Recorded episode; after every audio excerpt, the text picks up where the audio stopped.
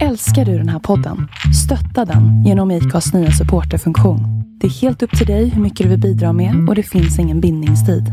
Klicka på länken i poddbeskrivningen för att visa din uppskattning och stötta podden.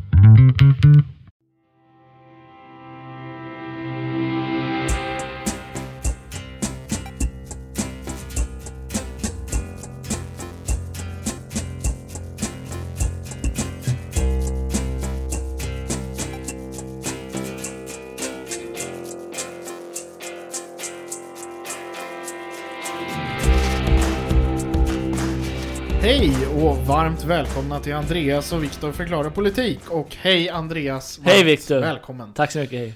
hej. Hur, hur är det den här veckan? Allt bra? Allt bra. Det känns som att den har varit längre än en vecka, men... Ja, vi satt ju här för precis en vecka sedan och spelade in eh, förra avsnittet. Ja. Men eh, det har varit mycket att stå i. Mm. Nu är det sportlov, kanske inte att man är ledig, men det händer lite mindre i alla fall nästa vecka här. Ja, lite grann. För oss som bor i Stockholmsregionen. Ni andra har ju sportlov lite andra veckor. Ja, jag eh, jobbar ju i Sigtuna, så det är en del som var lediga förra veckan som förmodligen Okej. kommer tillbaka. För det. De som bor i Uppsala, Uppsala. Uppsala har vecka åtta, så... Just det. Spännande. Ja. Vi får ha ett avsnitt någon gång om sportlov och hur det kom till och varför det är som det är. ja, men det ska vi inte ha den här gången. Nej, eh, den här eh, veckan så ska vi ta ett lite tyngre ämne. Mm. Det är på fredag 34 år sedan statsminister Olof Palme mördades. Ja. Och det brukar ju i eh, media alltid rendera någon form av prat om mordet och hur det ska lösas och Mm. massa specialavsnitt och liknande. ja, och senaste nytt är ju att, eh, där är ju att de åklagaren bara för någon, någon dag sedan gick ut med och sa att han kommer åtala någon eller så kommer han lägga ner Förundersökningar. förundersökningen som har hållit på i 34 år. Mm. Världens längsta eller största polisutredning. Yes. Men vi tänkte göra vår egen lilla variant av det här. Mm. Och inte prata om mordvapen och Nej. Christer Pettersson och sådana saker. För vi är ju ingen mordpodd. Nej, vi, Det finns tillräckligt av sådana. Ja, exakt. Så vi tänkte prata om Politiskt. vad hände med regeringen och regeringsarbetet och staten. Ja, framförallt, och framförallt just det här med st- ställföreträdande statsminister. Mycket lite djupare på det. Ja, så det är veckans ämne hoppas det ska vara intressant Mm. att lyssna på. Mm. Den här lite annorlunda varianten Mm. av Palmemordet helt enkelt. Mm, mm, mm. Så Viktor, vad... Olof Palme, eh, 28 februari 1986 på kvällen. Han, han blir skjuten. Vad händer? Ja, utan att som sagt vara en mordpodd, men ungefär halv elva, eller vad säger jag, halv tolv på kvällen. Så eh, är statsministern och hans fru på väg hem efter att ha varit på bio. Och det kommer en, eh, vad man tror är en man upp bakifrån och avlossar ett antal skott som träffar eh, både statsministern och hans fru. Och Lisbeth överlevde ju. Dog för något år sedan här Mm. av naturliga orsaker. Men statsministern dog omedelbart har obduktionen visat. Eh, den här troligtvis mannen rusar sedan upp för en hög trappa och iväg bort. Mm. Och man vet ännu inte vem det är som gjorde det här. Och man har inte hittat mordvapnet ännu heller. Eh, vad som händer är att det kommer rätt snabbt allmänhet på plats och försöker Mm. hjälpa till. Och man ringer polisambulans. Mm. Men ingen är ju beredd på vem det är som är skjuten. Nej. Olof Palme har alltså lämnat sin lägenhet i Gamla stan Mm. utan att ha Säkerhetspolisen med Mm. sig. Just det. Så han är ju obeskyddad. Mm. Man har Säpo-vakter på den här tiden. Men uppenbarligen kan man välja att inte ta med sig dem. Mm. Så statsministern går alltså genom centrala Stockholm oskyddad, obevakad. Mm. Och det, det visade sig ju Statsministern kanske hade råkat illa ut ändå, men det visade sig i alla fall bli en, ett tragiskt misstag att Ja. göra det. Eh, rätt omedelbart ändå, som sagt, precis vid midnatt ungefär, så nås polisen av informationen om vem det är som är skjuten. Mm. Då får man klart för sig att det är Sveriges statsminister. Varvid en... Eh, det börjar etableras kontakter upp i hierarkin Mm. som når till slut eh, Olof Palmes statssekreterare att eh, din chef är tyvärr avliden och skjuten. Olof Palme konstateras död sex minuter över midnatt. Och eh, bara någon minut efter det så nås då regeringskansliet av beskedet att statsministern är död. Varvid en rätt stor informationskedja Mm. börjar ta form. Men det finns inga upparbetade rutiner för hur något sånt här ska hanteras. Nej. Det finns en utsedd ställföreträdare. Det är Ingvar Carlsson. Mm. Andreas, vad är en ställföreträdare? Det är den personen som eh, träder in eh, om statsministern på något sätt eh, inte kan eh, utföra sina uppgifter. Av, av sjukdom eller att man har blivit skjuten eller något, någon form av förhinder för statsministern att utföra sina, sina uppgifter. Så det, det kallas oftast så har det också varit den som är vice statsminister. Vilket det här inte är i, Idag nej. Idag nej, men, eh, men det har korrelerat oftast med vice, vice statsministerposten. Mm. Eh, och oftast, och, alltså det går att inte eh, ut, alltså det är en person som är utsedd av statsministern för att vara dess ställföreträdare. Eh, men statsministern kan välja att inte utse någon heller och då blir det den som är den sin år, har, har haft mest regeringsår i, i ryggen. Mm. Och om man har lika lika antal tjä- tjänstgöringsår, då är den som är äldst Mm. bland de två. Ja. Eh, och, men i, i det här fallet så var alltså Ingvar Carlsson utsedd av, eh, av eh, Olof Palme för att vara hans ställföreträdare. Mm. Och också, han var också formellt sett vice statsminister. Om vi kollar här nu på vad som hände så kom som sagt beskedet till eh, statssekreterare Ulf Dahlsten sju över midnatt vid en kommissarie vid Stockholmspolisen. Och eh, en minut senare får UDs vakthavande eh, Anna Buremalm samma besked. Tio över, nu kommer det komma en del, ska vi säga, tidsangivelser här. Men 10 över får eh, ställföreträdande statsminister Ingvar Carlsson informationen av Dahlsten, statssekreteraren. Och Dahlsten får i uppdrag att sammankalla regeringen. Det här är precis som nu, Mm. vecka 9 och sportlovsvecka. Mm. Så många av statsråden är inte hemma. Men de är i skidbacken. De är Kanske inte precis då, men eh, Nej, det här är ju mitt i natten. Men de är eh, borta med sina barn Ja. eller liknande Ja, på och har ledigt. Men de statsråd som kan infinna sig i Stockholm mm. kallas in och alla andra statsråd försöker man etablera kontakt med. Mm, mm, Så att de ska få informationen. mm. Och helst inte via massmedia. Det kommer sedan visa sig att det inte riktigt kommer lyckas. Jag håller inte riktigt, nej. Eh, man, UDs vakthavande klockan 12 över 12. Jan Eliasson. Nej. Nej, förlåt. Nej. Det var någon annan som var, okej, nej.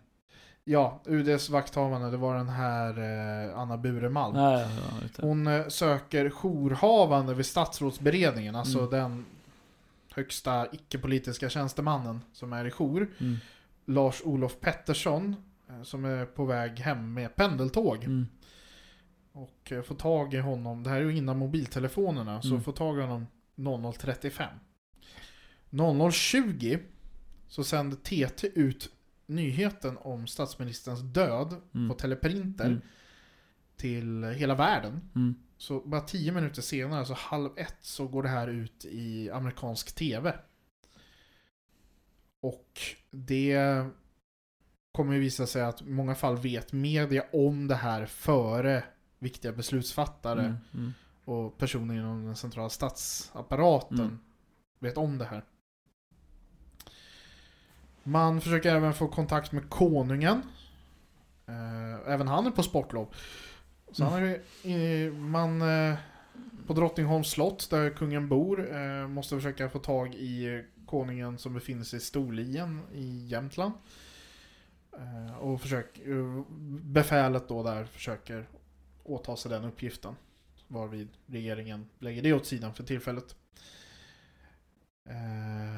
Man eh, på UD så informerar man presstjänsten och så vidare. Och även utrikesdepartementets ledning så att de vet vad som har inträffat. Mm. För nu kommer det ju antagligen börja andra stater och Sveriges diplomatkår måste ju få reda på det här. Mm. Någonting vi har noterat när vi gick igenom det här materialet var ju att många diplomater får ju informationen först via media. Mm. Varvid de börjar ringa hem till UD Mm. för att försöka få bekräftat, stämmer det här eller inte? Mm. Mm. Även vår överbefälhavare Mm. får informationen via media när Sveriges Radio strax efter klockan ett sänder ut informationen. Mm. Vi tyckte väl att när vi pratade om det här att det kanske var lite konstigt att Ja. överbefälhavaren får veta det genom media och så pass sent att- att överbefälhavaren kanske behöver vara bland de första man informerar. Han var nog ganska snabb på telefon sa vi till försvarsministern. Ja. För om man tänker sig att det här, det här är under kalla kriget. Mm. Om det här är en krigssituation eller ett angrepp mot staten Sverige Mm. så är varje minut viktig. Det är också så att det kan ju vara falsk information som någon sänder ut att Mm. statsministern är död för Mm. att skapa kaos i landet. Mm. Då är det väldigt viktigt att överbefälhavaren vet vad som faktiskt händer Mm. och kan agera på korrekt information och så vidare. Mm. Och inte behöva lita på... Man ska kunna lita på Sveriges Radio men Mm. man kanske ska få uppgifterna direkt från Mm. regeringskansliet om man är ÖB. Mm. Det här rullar ju på en natt, men vad ska regeringen göra när den sammanträder här direkt under natten? Nej, de, de eh, kommer att eh, entlediga sig själva.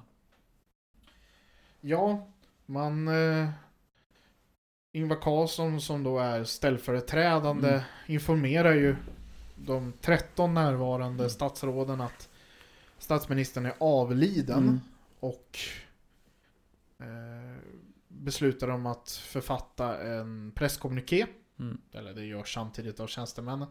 Men även begära att, eh, eller man beslutar att informera talmannen i riksdagen om detta. Och den är ju också som eh, en del av ministrarna för till sportlov på semester. Ja, talmannen befinner sig i Spanien. Ja. Så där får ambassaden i Madrid i uppdrag att lokalisera Mm. talmannen, informera talmannen och ta hem talmannen. Ja, för, för igen, det, det här var före mobilernas tid. Det här var före mobilen, det var före pushnotiserna. Så det var nog inte så jättelätt att bara få tag i ett nummer som man kunde få tag i talmannen. på. Mm. Exakt. Eh, det här regeringssammanträdet äger rum mellan 00.30 och 01.15. Mm. Det är också så att eh, när en statsminister väljer att avgå eller avlider Mm. så upplöses ju hela regeringen. Mm. Och det är ju det, därför talmannen, förutom att det är rikets näst högsta eh, befattning, så är det ju därför talmannen är så viktig att informera. Precis. Vad, vad är det talmannen ska... Vad, vad gör talmannen i det här skedet? Han entledigar, talmannen entledigar regeringen. Mm. Så att eh, det blir en expeditionsministär som inte längre... Ja, och då, sitter den fram till att en ny regering har till, tillträtt, eh, tillträtt och fått godkännande av... eh, Nu vet inte, ja precis, men till en, till en ny regering, till, en ny statsminister har Utsätts. utsetts av riksdagen. Så gäller det även då. Ja. Eh, under den här perioden här mellan midnatt och klockan ett på natten ungefär så är det ju många av pressekreterarna på regeringskansliet som får eh, telefonsamtal från media som frågar om uppgifterna stämmer. Mm. Bland annat eh, flera nära medarbetare till Olof Palme som får beskedet via media att statsministern är avliden. Mm.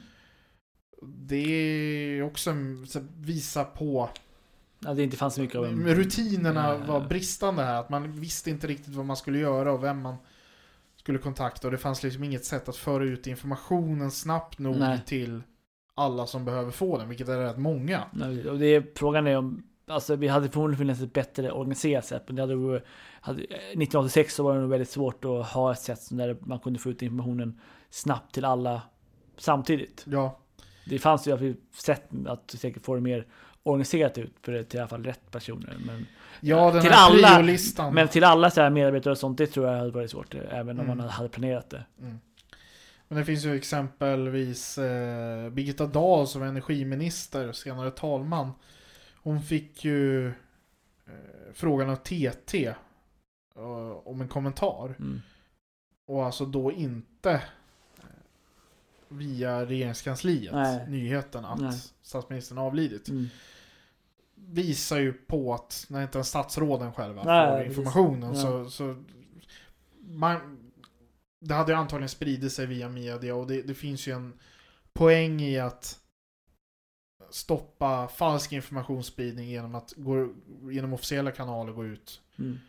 hyfsat snabbt Ja. eh, och berätta nyheten Mm. korrekt. Ja.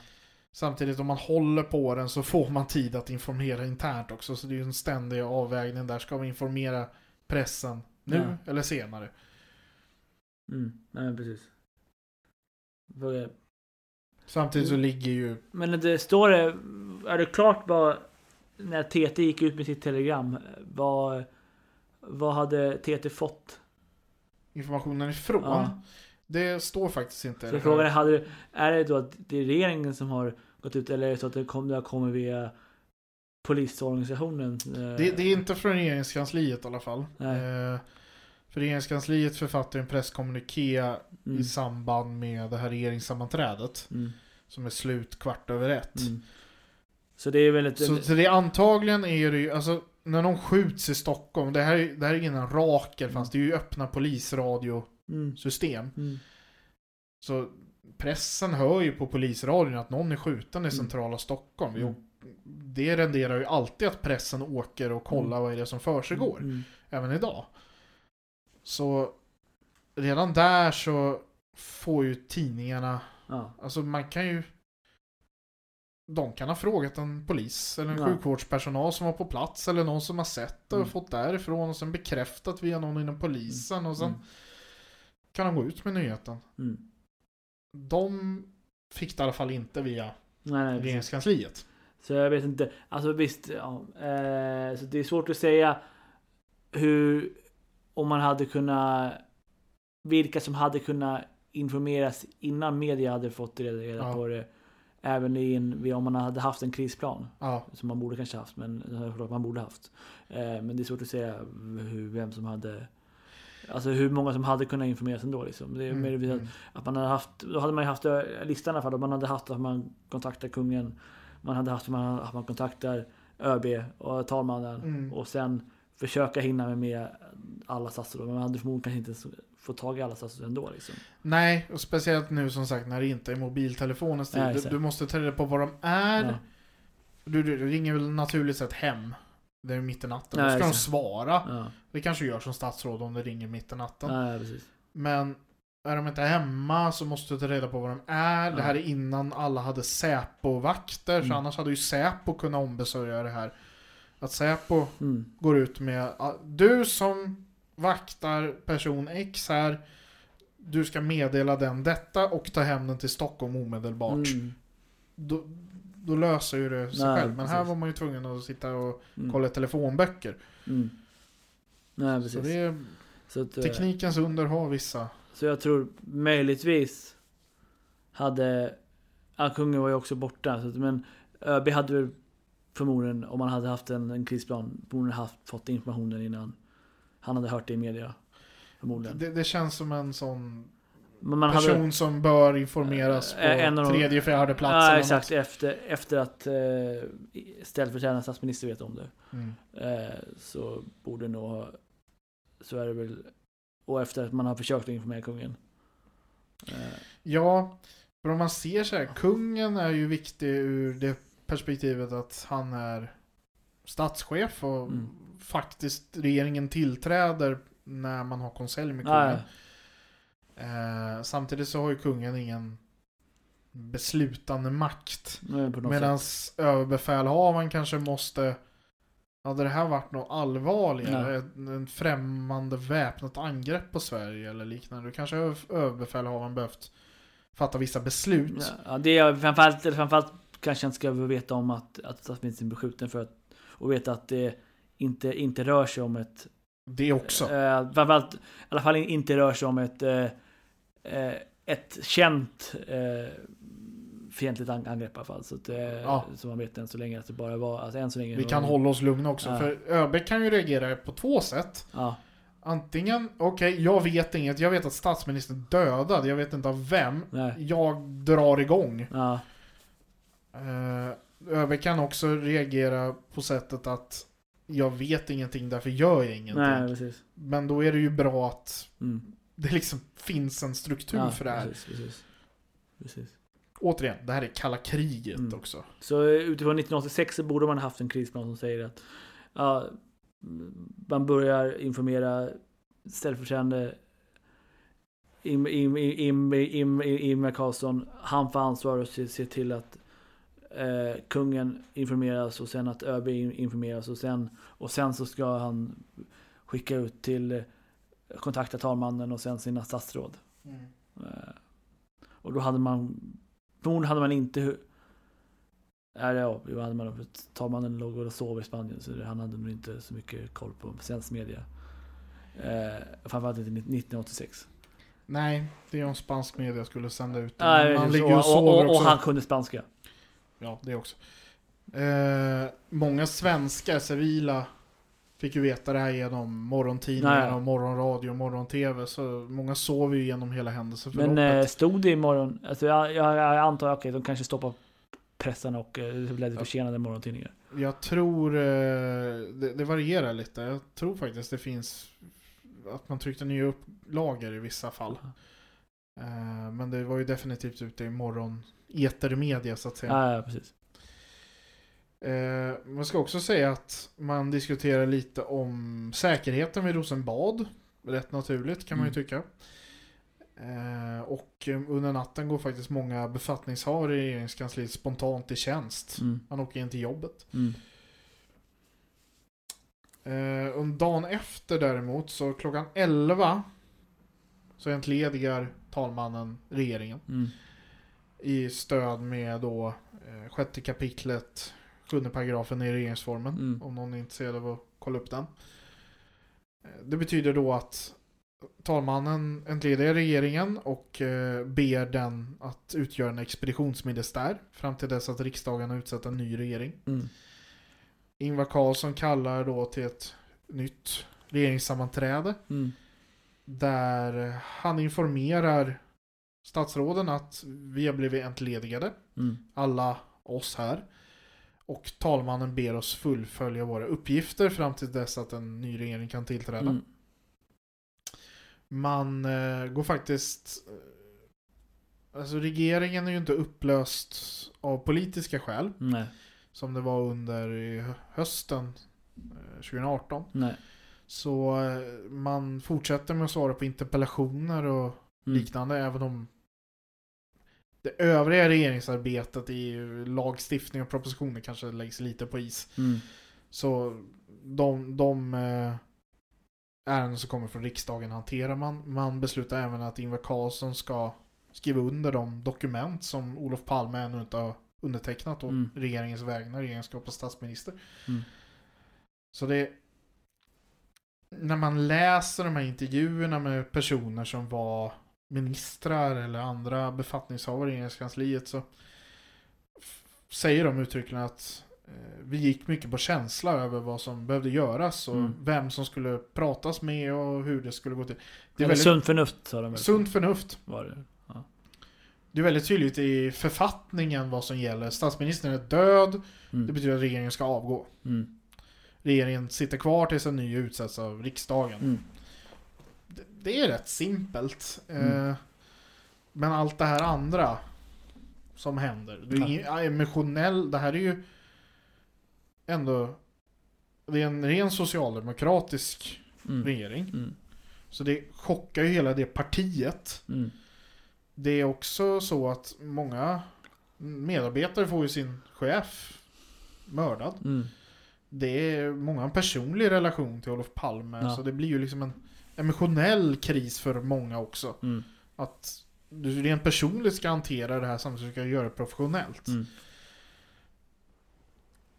Hans statssekreterare säger ju att han eh, fram till begravningen faktiskt inte försöker Han släpper inte på känslorna fram till först då för då har man ett jobb att utföra. Mm. Det är, det är väl egentligen i det stora hela vad som händer. Alltså Mm. det, det är det här som pågår under natten. Man informerar Mm. snabbt under helgen. Ja.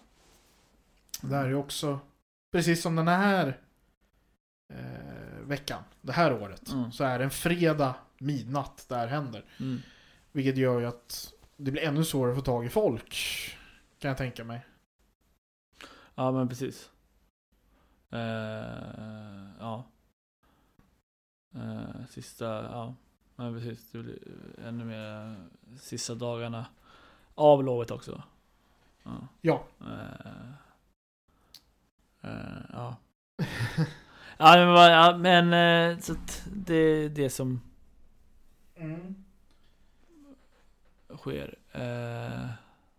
Det kommer ju även vara så att när en eh, statsminister avgår eller avlider i det här fallet så ska det väljas en ny. Och det är en besluts, eller en process som leds av talmannen i riksdagen. Eh, så det innebär ju att det ska hållas talmansrundor precis som efter ett val. mm. Sedan behöver ju partiledaren informeras också, vilket de görs separat. Men eh, det hålls formella talmansrunder mellan talmannen och partiledarna i riksdagen. Ja, vilket är, då var det väl bara en formalia grej liksom. Det är så det, det, är det som ska ske liksom. Ja, det ska ske, men det är, inget har ju förändrats i mandaten i riksdagen. Nej exakt.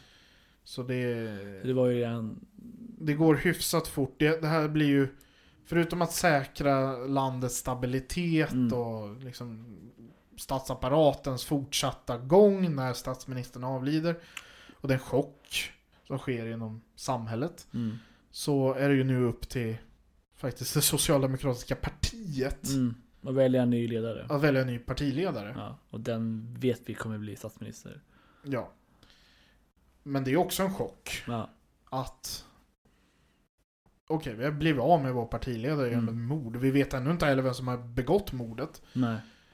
Eh, Massa teorier florerar och vi har ju Mm. Det, det kan de här andra mordpoddarna prata om. Nej, exakt. Teorierna behöver vi inte, vi behöver inte prata om. Det, det, är, sagt, det är fortfarande en utredning som pågår som har sina, som typ, ja, ligger på massa bollar där. Men eh, det är första gången som, alltså, han är ju, Olof Palme var ju stats, var ju partiledare från 1970 eller något sånt. Eh, det var, och han, han ersatte ju en eh, Tage Erlander som hade varit statsminister och partiledare i över, i över 30-35 år. Mm. Eh, Och så nu, nu är, det, nä- är det första partiledaren efter honom och han, han försvinner efter 15 eller 16 år. Eh, och blir, eh, och blir mördad istället. Så de har ingen chans att us, utse någon igen utan de behöver liksom utse någon lite mer så här Mm. genom extraordinära processer liksom. Ja. Och vi... Eh, man höll ju ingen partikongress. Nej, utan precis. Nej. Det blir ju precis som när Stefan Löfven blev vald till partiledare. Att det är verkställande utskottet som får Mm. genomföra det. Sen skillnaden då och nu var Eller att... nej, i Stefan Löfven valet i alla fall, då var det ju att eh, verkligen utskottet var någon typ av beredning och Ja, sen, så var det, och sen PS, partistyrelsen i Socialdemokraterna valde.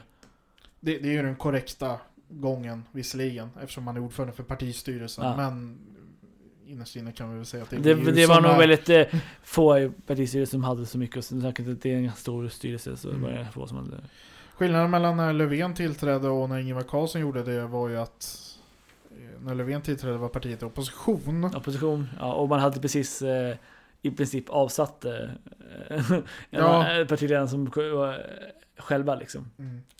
Men den 12 mars, min födelsedag, så 1986 så tillträder Ingvar Carlsson som statsminister. Och det innebär ju att på 12 dagar så hade man gått igenom processen att över helgen där, första och andra mars, krisarbeta. Mm. Sen ska väl partiet hinna bearbeta det här lite också. Och Ja. valberedning och Jag tror inte de hade någon valberedning men... Eh, Om, om de nu hade det. Vi har inte kunnat hitta det faktiskt. Men de som ändå ska mm.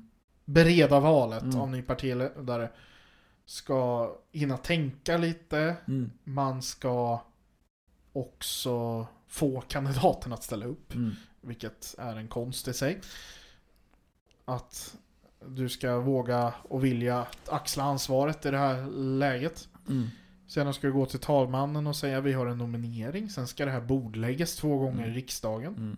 Sen kan det ske ett val. Så 12 dagar är rätt fort. Jag tror nog att Ingvar Carlsson var nog ganska eh, självskriven. Jag tror inte att det var så mycket diskussion om vem som skulle ta över i det läget.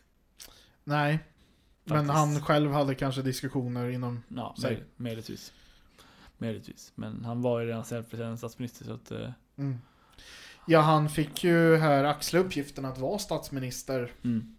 Så jag tror att, Omedelbart. nej, exakt. Jag tror att ja, eh, det var en anledning till att han var vice statsminister och ställföreträdande statsminister i Olof Palme regering. Mm. Eh, Så att, Så är det. Och det här är ju ett mord som när det hände gång två med Anna Lind 2003 så var både polisen, den delen, Mm. alltså det mordet är ju uppklarat och det är ju Mm. faktiskt en person dömd för det. mm. Eh, så visste polisen lite mer vad man ska göra. För den delen, vi har inte pratat om det och det är återigen de här mordpoddarna som får ägna sig åt det. ja. Men polisutredningens brister och Mm. eh, hur ska man säga? Den personliga prestige som det verkade finnas från vissa. Att bedriva någon form av egen utredning baserad på teorier som inte har någon bäring i fakta. Nej, Det är inte så man bedriver en mordutredning. nej. Eh, det, det har man liksom lärt sig till 2003. Och Mm. även regeringen, även om det då var utrikesministern. Och- Men det var dessutom en valrörelse så det blir ju... Ja, men det, men det var ju fortfarande, ja, precis, men det var ju fortfarande Även fast det var utrikesministern och utrikesministern har en hög eh, andre excellens, eller vad var det? Var det? Eh, ni, eh, före 1975. Men fortfarande har en, på vad man får for, formell, informell eh, hög, hög ranking. Eh, eller formell hög ranking. Eh, så var det ändå inte att man behövde byta ut, det var inga partiprocesser eller något sånt, utan det var mer, det var ett dramatiskt händelse, det var valrörelse och sådär. Så. Och då kan man ju... eh, Utrikesminister är ju en av de viktigaste posterna i regeringen men man kan ju låta posten stå vakant Ja, ett litet tag också. Ja, exakt. Eh, man låter ett annat statsråd fullfölja de uppgifterna som Ja, utrikesministern har. precis. Men när en statsminister avlider så är det ju vissa processer som måste... Ja, hela regeringen upplöser ju i princip. Ja. Upplöser sig. Så. Det, det är en väldig skillnad. Men man märkte också, alltså där informationsarbetet inom regeringskansliet gick mycket bättre. Även om det fanns brister då också. Mm. Och det är väl lite en lärdom att i alla krissituationer att det finns alltid någon man missar. Det finns alltid någon Ja. brist. Det blir aldrig perfekt. Ja, det... Och du kan ju inte förbereda dig heller på Nej, precis. allt. Allt, nej precis. Det är svårt. Man kan alltid... Det kan alltid vara bättre liksom. Det, det gäller bara inte vad komma, bli, komma, det ska komma på helt i bakkälke. Att man, ska ändå ha någon form av krisplan eh, och sånt liksom. Mm. Men sagt, det, det är nog väldigt, jag vet inte om det finns någon krishistoria som har mm, 100% skötts perfekt. Det finns säkert kriser som har skötts till 99% Ja. perfekt. Men det är alltid säkert någonting som går att hitta som är... Ja, och en brist i Anna Linds fall är ju återigen Säkerhetspolisen. Mm. Just det. Hon hade inga livvakter heller. Nej, men då precis. Och det, och det förändrats nu också. Så det var ju, det var ju då, tidigare var det statsministern och det förändrades efter Olof Ja. Palme. Att han ska... Då lärde man sig att då ska statsministern alltid ha livvakter. men, men däremot ministrarna behöver inte. För det, ja. Och nu har man lärt sig det. Ja. Så nu är partiledarna och statsministrarna har, eller statsministrarna, ministrarna har alltid Och än så länge så har i någon form. alla, alla 349 riksdagsledamöter har, en, har än så länge inte... Nej, men det Eh, finns riksdagsledamöter De har, men, har, då, vet- då, men då har de ju en hotbild över sig och, och sånt. men de har ju rätt till det så att säga. Men det klarar ju inte Säkerhetspolisen av. Nej, Det- nej, vi det- skulle, det skulle vara extrema resurser om de skulle ha bara en på, på 349. Mm. Det är... Det är ju inte 349 vakter för man ska ju bytas av någon gång också så det blir ju... Nej, exakt. Eh, 12, man, 1500 man kan kanske. Inte, man kan inte vara 300, eh, där 24-7. Så. Med det sagt så... Jag hoppas ingen eh, politiker ska, eller ledande företrädare inom statsförvaltningen ska bli, bli mördad. Nej, Olof Palme var första gången sedan Gustav den tredje som en nationell ledare blev mördad, så det händer ju historiskt sett inte jätteofta. i alla fall i det här landet. Det är, vi det här vi kan landet. prata om eh, amerikansk politik, där händer lite mer. Eh, inte jätteofta heller, men det har fortfarande hänt Flera gånger. mer gånger. Både försök och, eh, och, eh, och, eh, faktiska mord. Ja. Jag kommer ihåg när Göran Persson i någon intervju någonstans berättade om när han skulle vara på ett, jag tror antagligen sitt första FN-toppmöte som statsminister. Och han eh, blev eskorterad av eh, polisen genom New York. Och de spärrar av alla gator och han skulle åka igenom en tunnel. Mm. Och de liksom blockerar allt och ja, liksom verkligen Mm. precis som de håller på med sin egen president. Mm. Och han frågar varför det här? Ja, Sverige är ett högriskland. Er statsminister blev mördad. Och då gick det upp lite för honom att okej, det här är inte jättevanligt. Det händer inte i Nej. alla länder. Det här är vi, vi, nå- något sätt så Men eh, föranleder det här vissa. konsekvenser. sen är ja, amerikan... Sen amerikanska Ah, polisen är... Och amerikanerna är generellt sett eh, lite... Men det var någonting han reflekterade Ja, ja, absolut, absolut. Men ja, absolut. Och... Eh, för, för han noterade att de gjorde inte så för alla, alla stats nej, nej och okej. regeringschefer. Nej, Utan Nej. Sverige var mm, i den övre riskzonen. nej. Eh, am- amerikanerna och riskbedömningar, ja. Mm.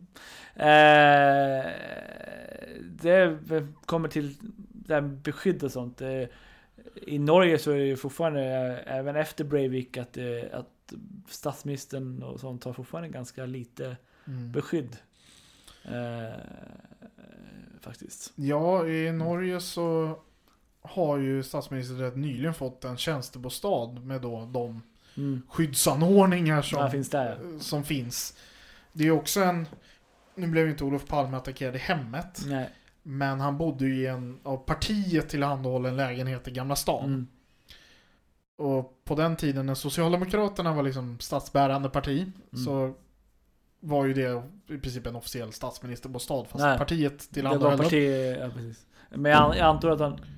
Oj. Jag antar att han hade den även eh, när han var partiordförande Det borde han ha haft. i, opposition. Så. Det borde han ha haft. Ja. Eh, men nu har vi ju Sagerska palatset. Ja. Och det var väl Ingvar Carlsson först att flytta in i, skulle jag tro. Ja, förmodligen. Eh, och det är ju anpassat då med säkerhetsanordningar och Mm. återigen Göran Persson, eh, citatmaskinen, har ju sagt att ja, det är ju skönt att ha nära till jobbet men de här tjocka pansarglasen. Du kunde se fiskmåsarna flyga och skrika där ute men hörde dem inte. Mm. Det var totalt tyst där inne. Mm. För det var så tjockt. Ja. Eh, tjocka glas och tjocka väggar. Mm. Så det är, det är ett speciellt liv det där. Och man har väl i princip alltid sex livvakter runt sig. Och man har specialbepansrad bil Mm. som bara statsministern använder som man kör runt i. Eh, Så det är... Man har lärt sig en del i alla fall Mm. nu och nu bygger man ju man uppgraderade säkerheten runt riksdagen och Rosenbad i samband med Breiviks härjningar och nu bygger man ju om hela Rosenbad. Mm. Så det lär ju antagligen uppgraderas ännu mer säkerheten där. Mm. Mm. Ja. Ja. Men Nej, ja. det finns, riksdagen är ju, riksdagsledamöter går ju runt på stan. Nej, absolut. Det, de, de är ju inte lika kända heller. Nej. Eh, men eh, lite kuriosa är väl att, ja som sagt, så vi sa ju lite under avsnittets gång att eh, vice statsminister har ju varit den traditionellt som varit ställföreträdande. Ja. Men, men från 2014 så ändrades det där när eh, det blev en koalitionsregering med Socialdemokraterna och eh, Miljöpartiet. Mm. Eh, Åsa Romson fick vice ordförande statsministerskapet. Men eh, nio, cirka nio månader senare så framgång det efter, efter att eh, Löfven blev för akut med ambulans till sjuk- sjuk- sjukhus efter någon utlandsvistelse. Man tror att det var matgifter, men Ja, man alltså, vet inte riktigt. ja, så att, eh, och då, och då, då, då kom- framkommer det att eh, det var Margaret, nej då var det inte Margaret just då för det var, det var en sommarministär så det var Sven-Erik Bucht. Ja, så, så han hade längst, eh, just på grund av sommarministären hade han längst eh, statsminister, regerings eh. Ja. Eller och, och senioritet. Förmodligen också. Eh, och då kom han med det där, vänta, men är inte Åsa Romson statsminister? Då kom han fram med att det finns ingen, statsministern har inte angett någon som ställföreträdande. Bara angett en ceremon- ceremoniell vice statsministerförande Mm. statsminister eh, eh, men, ingen, men den har inte blivit ställföreträdande. Ja, Och då är det sagt den som har längst tjänstgöring, vilket är, i, om det inte hade varit sommar hade det varit Margot Wallström. mm. Och idag Det- är det Morgan Ja, Johansson. exakt. Men, Och vi har eh, fortfarande Isabella Lövin som vice statsminister. Ja. Och det här ledde ju till lite kritik i media och i Ja. riksdagen och i konstitutionsutskottet. Men det är ju Att det var oklarheter, men eh, rent konstitutionellt så är det helt... eh, Ja, det är korrekt. Det är korrekt, även fast man kan kritisera utifrån ett, ett kommunikationsperspektiv liksom, och eh, att det blir komplicerat för säkerhetstjänst och sådär och hålla reda på att... Ja, för Löfven fick ju vissa frågor om det här KU-förhören. Har du informerat Säpo? Har du informerat kungen? Mm. Har du informerat partiledarna? Mm. Och han De- kunde inte helt svara eh, på om han hade informerat kungen. Han trodde att han hade sagt det Ja. någonstans. Men förmodligen över en kopp kaffe sa han bara, "Ja, men så här är det. Och det är ju också återigen det här att det är alltid bra att ha saker dokumenterade Ja. och veta vem som gör vad Ja. och varför och så vidare. Det, Ja. Det roliga där är ju att när vi läste första artikeln om det så framkommer det ju ett citat av Åsa Romsons pressekreterare. ja. Att han säger, ja men Åsa Romson ska ju normalt sett ta över regeringsarbete då, men nu är det ju sommarministär så nu är det lite andra regler. Det var inte sant. Det var inte sant. Det, Och det- det visar var bara att press... Ja. Miljöpartiet själva, Mm.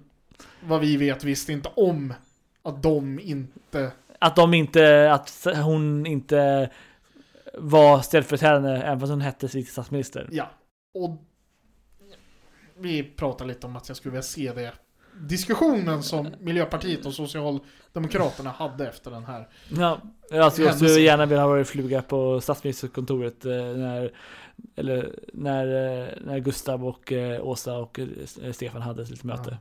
Men det verkar ju inte som de har fått igenom någon ändring för det är Nej, ju nej. samma ordning som gäller än idag. Men Ja, det traditionella är ju annars att har man en koalitionsregering så Ja. är det Ja, det näst största partiet som har ställföreträdande posten. mm, precis. precis. Så har det varit i alla andra koalitionsregeringar. Och liksom det har, också har det också varit så att den, den som var ställföreträdande statsminister även i den socialdemokratiska regeringen har också kallats vice statsminister. Ja, ja.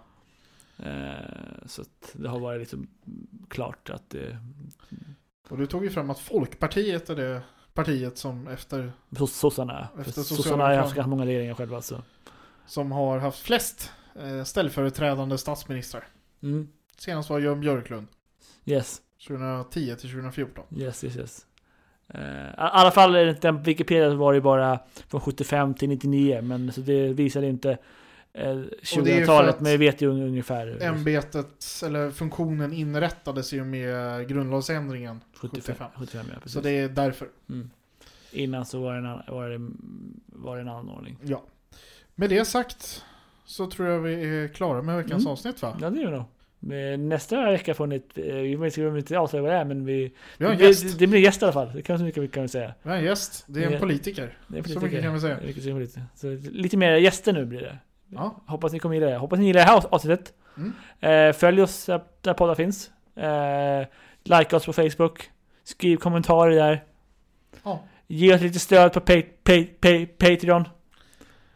Eller ge oss bara glada hejarop. Det också. Det, det, det, det är med början. Det, det gillar vi också.